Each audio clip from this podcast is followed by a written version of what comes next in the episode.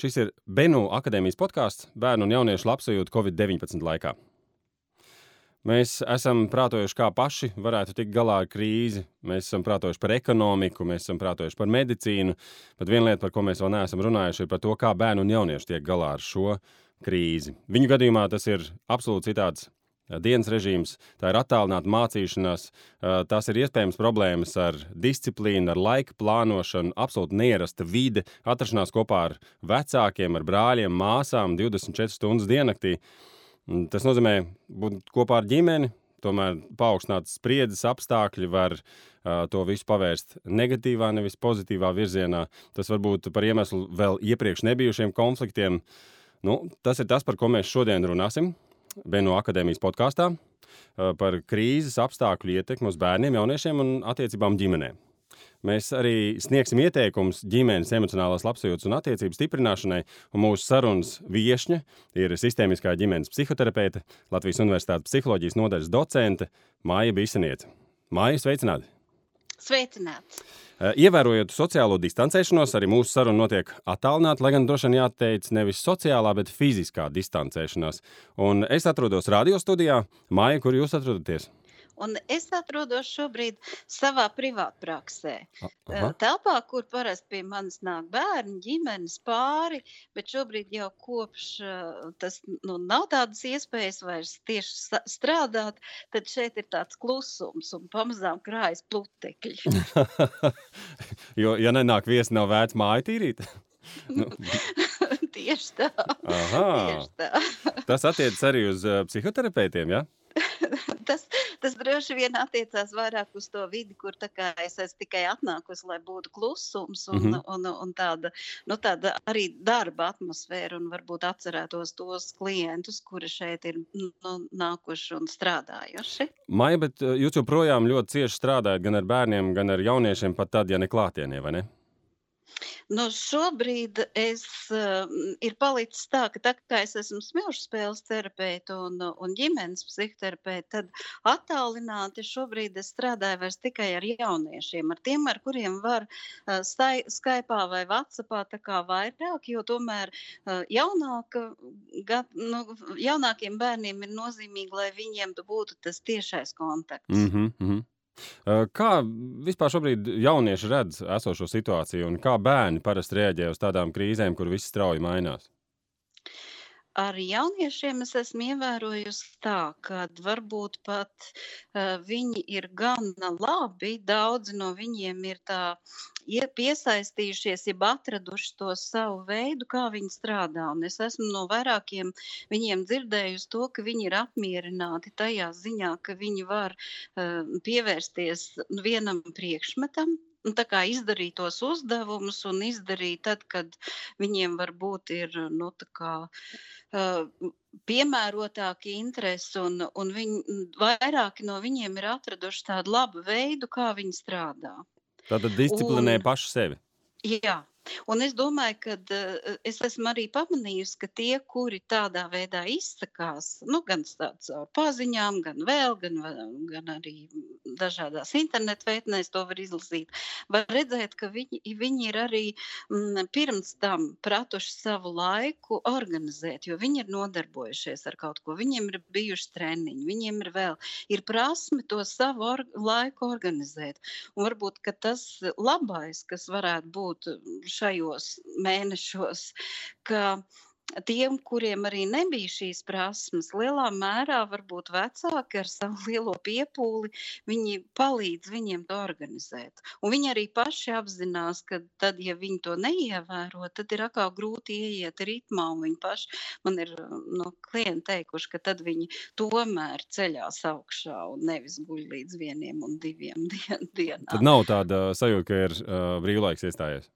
Nu, tie, kur prot sevi organizēt, tie ir labi. Un tajā pašā laikā ir skolotāji, kuri um, ir zvanījuši un teikuši, ka ir bērni, ir nu, teiksim, vairāk tā pusauģi un jaunieši, kuri nekā neatbild un neiesaistās mācībās. Un tas nozīmē, ka viņiem arī nav uh, vecāku si sistēmā tie, kuri to kontrolē un nu, ir tajās. Tā kā būs arī, protams, tie, kur ir nu, tā kā t aiziet brīvdienās. Mhm. Kāda ir iespēja tagad pēc tik ilgstošas, um, režīma izjukšanas, pēc tam nākamajā mācību gadā tomēr atgriezties ierastajā režīmā un un un un, nu, atkopties, ja tā var teikt? Vēl es nezinu. Es domāju, ka tas būs skolotājiem, jo tā jau ir tāda nu, mūsu dzīvē jauna pieredze. Mhm. Un es domāju, ka nu, skolotāji un vecāki, ja viņi būs atsaucīgi, ka būs jāmeklē, un arī bērni, ka viņiem, nu, un skolā dažādu vecumu, ka viņi meklēs to veidu, kā. eh, Nu, kā ieiet sliedēs, un droši vien, ka varbūt arī tās sliedas būs citas un jaunas. Mums jārēķinās tomēr, kad arī programmas izstrādājas jaunas. Esmu novērojis, ka bērni varbūt tik daudz nerunā par to pašu krīzi, par slimībām, par iespēju inficēties, bet tajā pašā laikā tomēr tā trauksme viņos ir jūtama, jo viņi jūt to trauksmi no pieaugušajiem. Un viņiem tāpat ir nepieciešams izskaidrot, kas, kā un ko. Mm. Kā viņi uz to reaģē? Jo reizēm šķiet, ka jauniešiem ir sajūta, ka viņi ir nemirstīgi, viņiem vispār nav iespēja no kā saslimt. Viņi var droši smēķēt, dzert, lietot narkotikas un, un uh, visas uh, potenciālās pamācības un morāles pīlē ūdens. Kā ir šajā gadījumā? Kā viņi reaģē uz tiem potenciāliem veselības riskiem? Un, um, nu, ja mēs skatāmies tā no, no attīstības psiholoģijas, tad uh, tādas rūpes vai bažas par ķermeni, tas uh, ir ļoti atbilstoši, ka tas nav uh, bērnu vecuma posmam vai jauniešu vai pusauģu vecumam. Viņi par to nedomā un, un nestraucās. Līdz ar to tas ir atbilstoši. Un, um, tas, ko tu pieminēji par to, ka viņi uh, nedaudz uh, nu, kā, iziet no rāmjiem un dara, ka tas arī ir sava veids, kā viņi apējās ar stresu. Aha. Nu, tāda Nu, kā? sociāli nepieņemama uzvedība kā reakcija Jā. uz stresu. Kā reakcija uz stresu, un tas pats attiecās arī uz, uz, uz jebkuru no vecumiem. Ka viņi aktivizē tās darbības, kuras, eh, ar kurām viņi jūt, ka viņi izlādē to spriedzes enerģiju. Mhm. Un tā spriedzes enerģijas izlādēšana viņa eh, nu, nav tāda mm, pieaugušajiem vai apkārtējiem eh, viegla. Vai ir vēl kādas Un- pazīmes, kas liecina, ka, nu, ka tā apkā, apkārtējā situācija um, rada stresu bērnos? Ir kaut kādas vēl pazīmes bez šiem uh, sociāli nepieņemamiem uzvedības modeļiem. Tas būs tas nepieņemamais, aktīvais. Tas būs tas veids, kā viņi to izdarīs tādā aktīvā veidā. Mhm. ar darbībām. Un tad var būt tā reakcija, kas ir pilnīgi pretēja. Tāda ieraušanās sevī, noslēgšanās, nekontaktēšanās un varbūt pat pārāk liela ieiešana visā, kas saistās ar datoru, ar telefonu un vēl pie tam tagad taču tas ir tik atļaut. Nu, tā kā tāda izolēšanās. Mhm. Um, vai vecāki tiek galā ar šo jauno situāciju, vai skolotāji tiek galā ar šo jauno situāciju? Kādu signālu jūs no viņiem saņemat?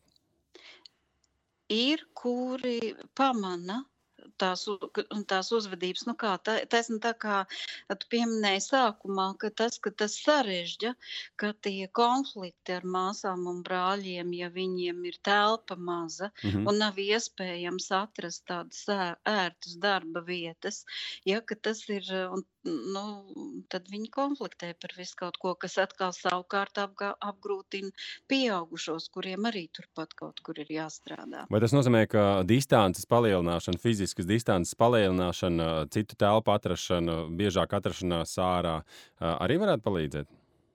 Tas varētu ļoti palīdzēt. Tas nozīmē, ka mm, pieaugušajiem, nu, jo pieaugušie ir tie, kuri pamanīs to, ka viņš netiek ar to stresa enerģiju galā, ka viņi atrod kopējus tos paņēmienus, kā viņi darīs. Un tā kā mans mājas atrodas netālu no biķernieka meža, tad es esmu priecīgi ievērojusi, ka mm, šobrīd jau vairāki vecāki ar eh, saviem, piemēram, tēvs ar dēlu skrien, Mhm. vai vienkārši ātri iet un par kaut ko aktīvi runā ar pusauģiem, Mhm. vai mamma ar meitu tiešām skrien. Ja, tas ir tā iepriecinoši, vai, vai, vai viena ģimenīte, visi māsas, brālis, maziņais, visi skrien Mm -hmm. un riteņbraucēji. Ja, kad, jo šo enerģiju, kura nav kur izlikt mājas iekštelpā, ir ļoti labi, ja ir atrod kādu nodarbi, kur, kur ar viņu izlādēt. Es saprotu, ka pieaugušos, protams, ļoti uztrauc ekonomiskā situācija. Um, nu, ja nu gadījumā viņiem ir kādas emocionāla rakstura problēmas, tās droši vien pastiprinās un sāsinās. Bet no otras puses, esmu dzirdējis arī tādu viedokli, ka, kā kāds teica, teica es vairs tik bieži nejūtos vainīgs par to, ka neveltu laiku saviem bērniem. Ka pretēji tai ekonomiskai situācijai un tām bažām par iespējamu saslimšanu uh, un ģimenes labklājību pretī stāv.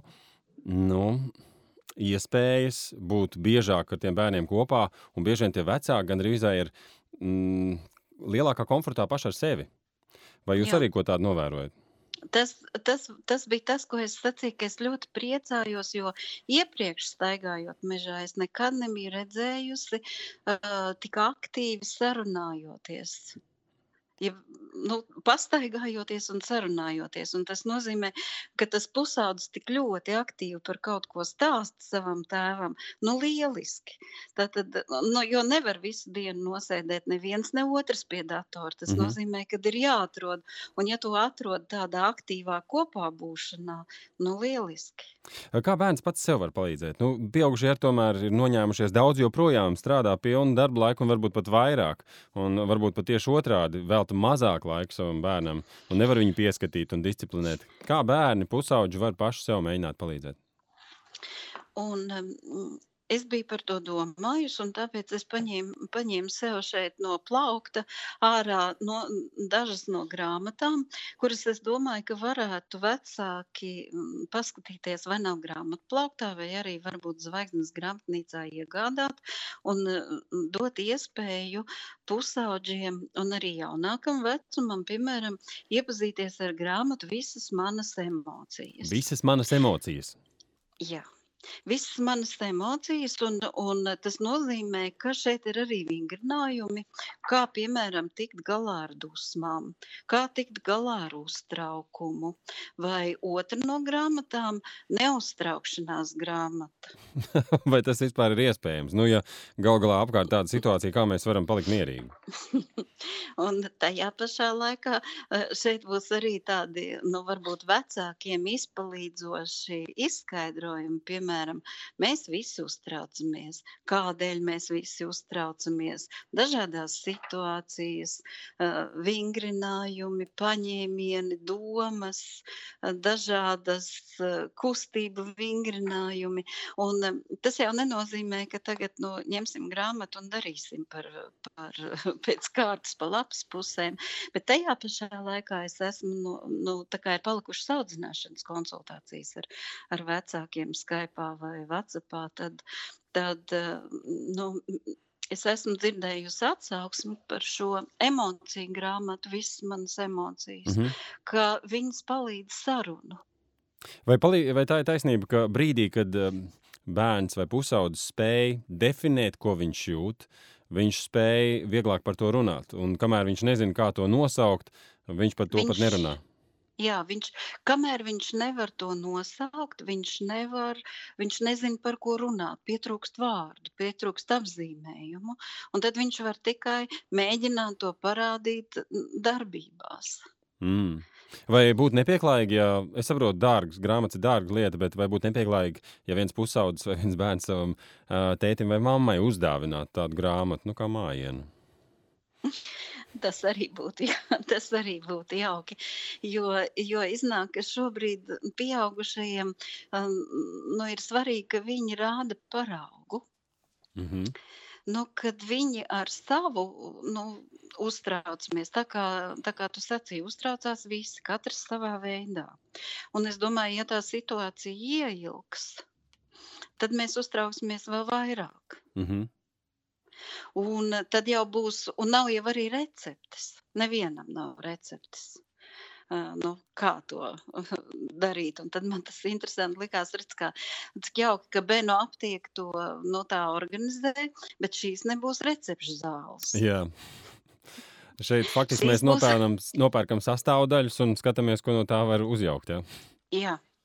Un, un, un šis būs ļoti, ļoti nozīmīgi, ka varbūt tas iegūms būtu mm, pieaugušajiem, kad šī situācijā tā, tā ir tomēr tāda mm, neordināra situācija, kad jāskatās, eh, kas tad īsti mūsu ģimenē, mūsu sistēmā strādā. Kas ir tas, kas dod rezultātu, izdodas. Mm -hmm. Un tad to var atkārtot un nostiprināt. Un droši vien, ka katrā sistēmā tā būs citādāka, jo arī eh, tie ģimenes locekļi, viņi ir pēc saviem raksturiem un temperamentu tipiem atšķirīgi. Nu jā, tad katram ir uh, savs, savs sastāvdaļas. Jā. Um, man savulaik bija tāda dilema, uh, kad kādreiz vēl Latvijā bija sniegs. Un uh, manām meitām vajadzēja iet uz skolu, pirmās klasītes, nu, mazi bērniņi, tādi ķipari. Un uh, ielas ir aizsnigušas, un es reiz ņēmu lāpstu un tīrīju savam bērnam to ceļu uz skolu ar milzīgu lepnumu. Un tad es aizdomājos, bet viņam tā nebūs visu mūžu, kas iet ar lāpstu pa priekšu. Varbūt tieši otrādi, lai bērns iemācās brist līdz ceļiem pa to sniegu un tik galā. Um, un tāpēc es gribēju jautāt arī šajā situācijā, kā īsti ir. Ļaut tiem bērniem iegūt rūdījumu, vai tomēr nu, uh, iesaistīties vairāk un, un, un palīdzēt vairāk nekā līdz šim. Kā īsti reaģēt uh, šajā situācijā vecākiem? Un tad man liekas, ka tu pieminēji tādus, nu, man arī at, atnāca atmiņā, ka tad, kad bija mana bērnība, tad bija lielais sniegs, kādreiz pat līdz, tā kā es esmu no laukiem, tad līdz pat tai pažobelē. Un tad tētis raka to sniegu. Mm -hmm. Un man liekas, ka, un tad viņš to darīja kopā ar maniem brāļiem. Jā. Un tagad, ja es dzīvē skatos, viņi labi prot no savu māju apkopt sniegu izrakt ziemā vai zāli nopļaut, ka tās, tā strādāšana kopā no vienas puses tā ir nu, tā izrakšana, uh, lai vieglāk aiziet, mm -hmm. jo ir jau labi, tomēr nav mums tā īsti jābrien daudzie kilometri, mm, bet tas nu, nošķūrē to ceļu un tajā pašā laikā ar to savu darbību parāda, kā ar to stresu vai uztraukumu tikt galā. Tad neatstāt viņu vienu tajā cīņā, bet cīnīties kopā. Jo, jo šobrīd es domāju, ka tas labums ir tas, varbūt at, atšķirībā no nezinu, 40. vai 50. gadiem, vai varbūt arī 60 gadiem, kad pieaugušie bija pārāk aizņemti ar savu dzīvi. Nezinu, atkopšanos no kara emocijām un visu kaut ko. Es domāju, ka šobrīd vecāki var ar mierīgāku prātu nu, runāties un runāt par to, kā ar to grūtumu tikt galā. Jūs gribat teikt, ka šobrīd vecākiem ir vairāk laika, lai to veltītu saviem bērniem?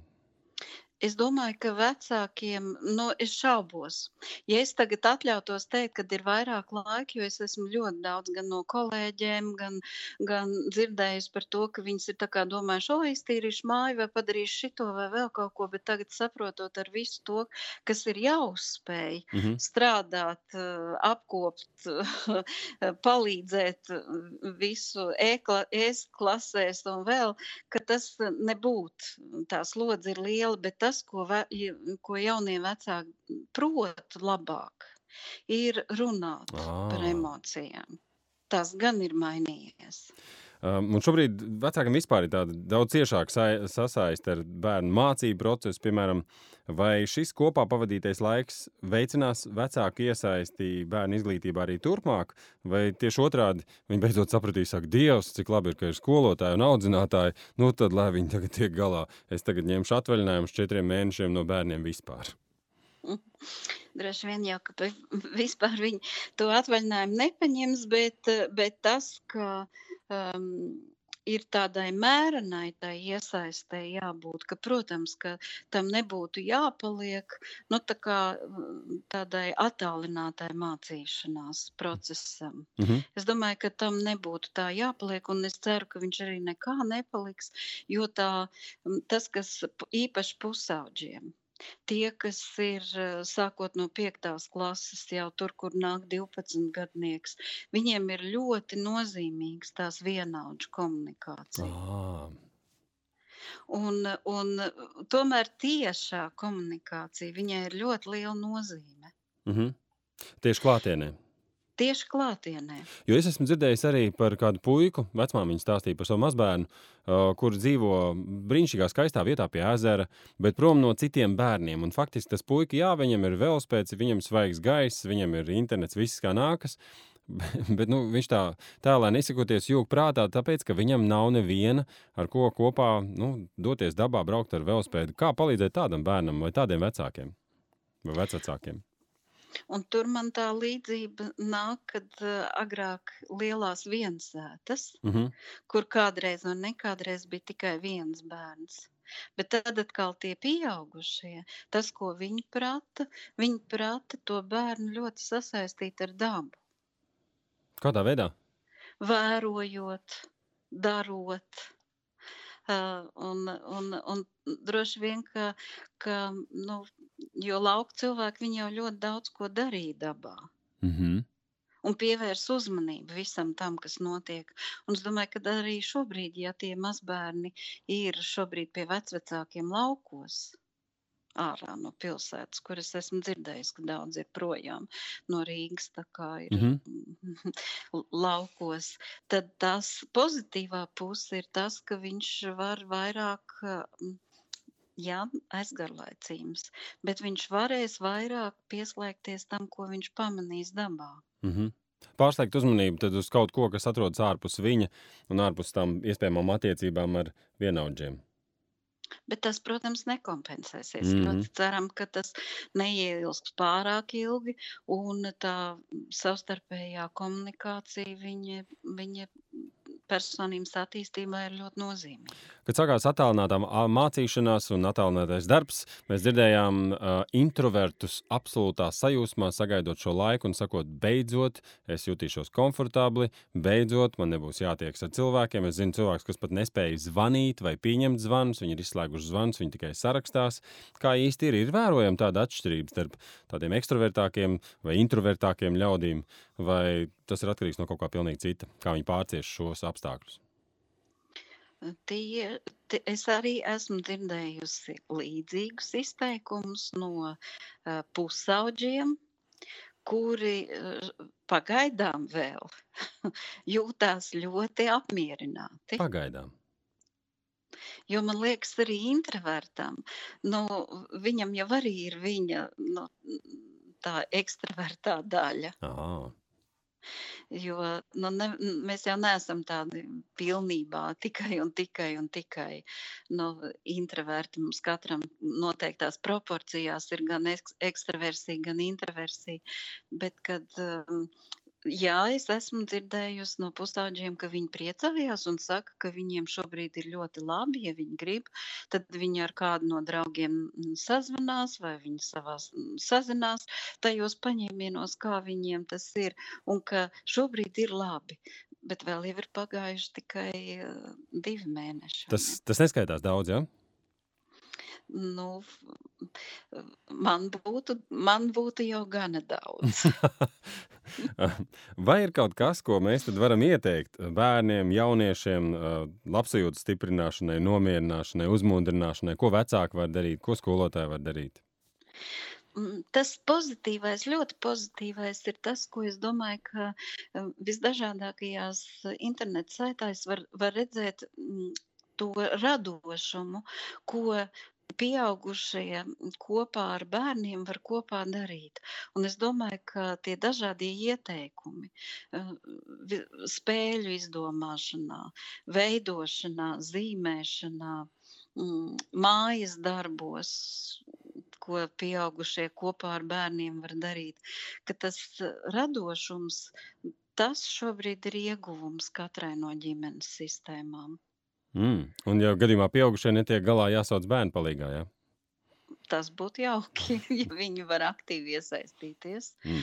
Un varbūt tas grūtums ir tad, ja, ja mm, tajā ģimenes sistēmā aktivizējās tie komunikācijas veidi, kas ir nu, traucējoši. Nu, tas ir lielās balsu pacelšanas, um, tādi neadekvātie so, sodi.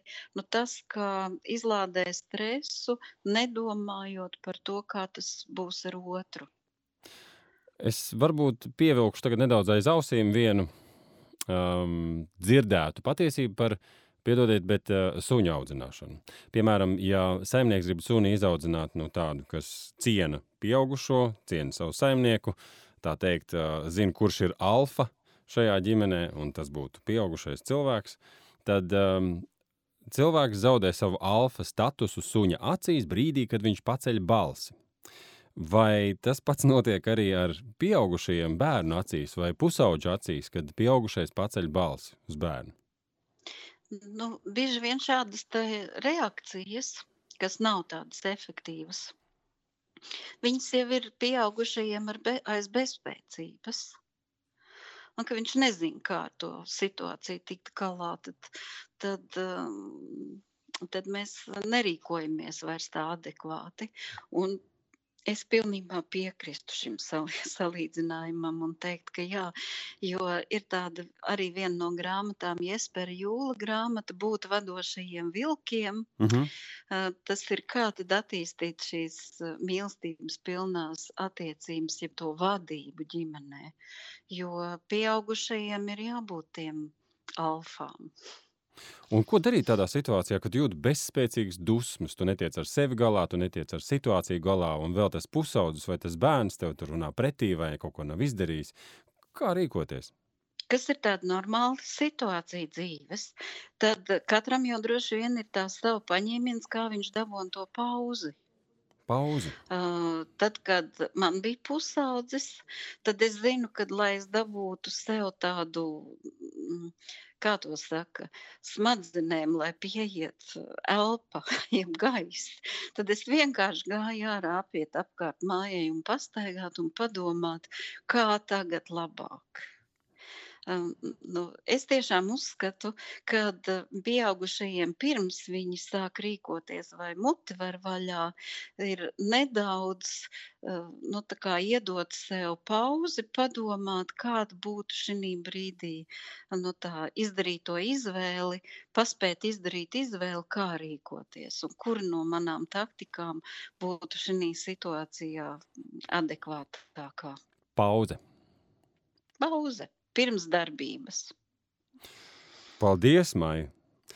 Es sarunājos ar sistēmisko ģimenes psihoterapeitu, Latvijas Universitātes psiholoģijas nodaļas docenti Māju Bisanieci. Sarunājāmies mēs attālināti. Es atrados um, radiostudijā, Māja atradās savā ne, praksē. Nu, es uh, novēlu visiem īstajā brīdī pateikt vārdu pauze pašiem sev. Nu, lai pēc tam nav jāsasmeļ izlietais droši vien, vai ne? Tas tieši tā. Paldies, Maija. Tieši tā. Paldies, Valdi. Visu labu. Visu labu.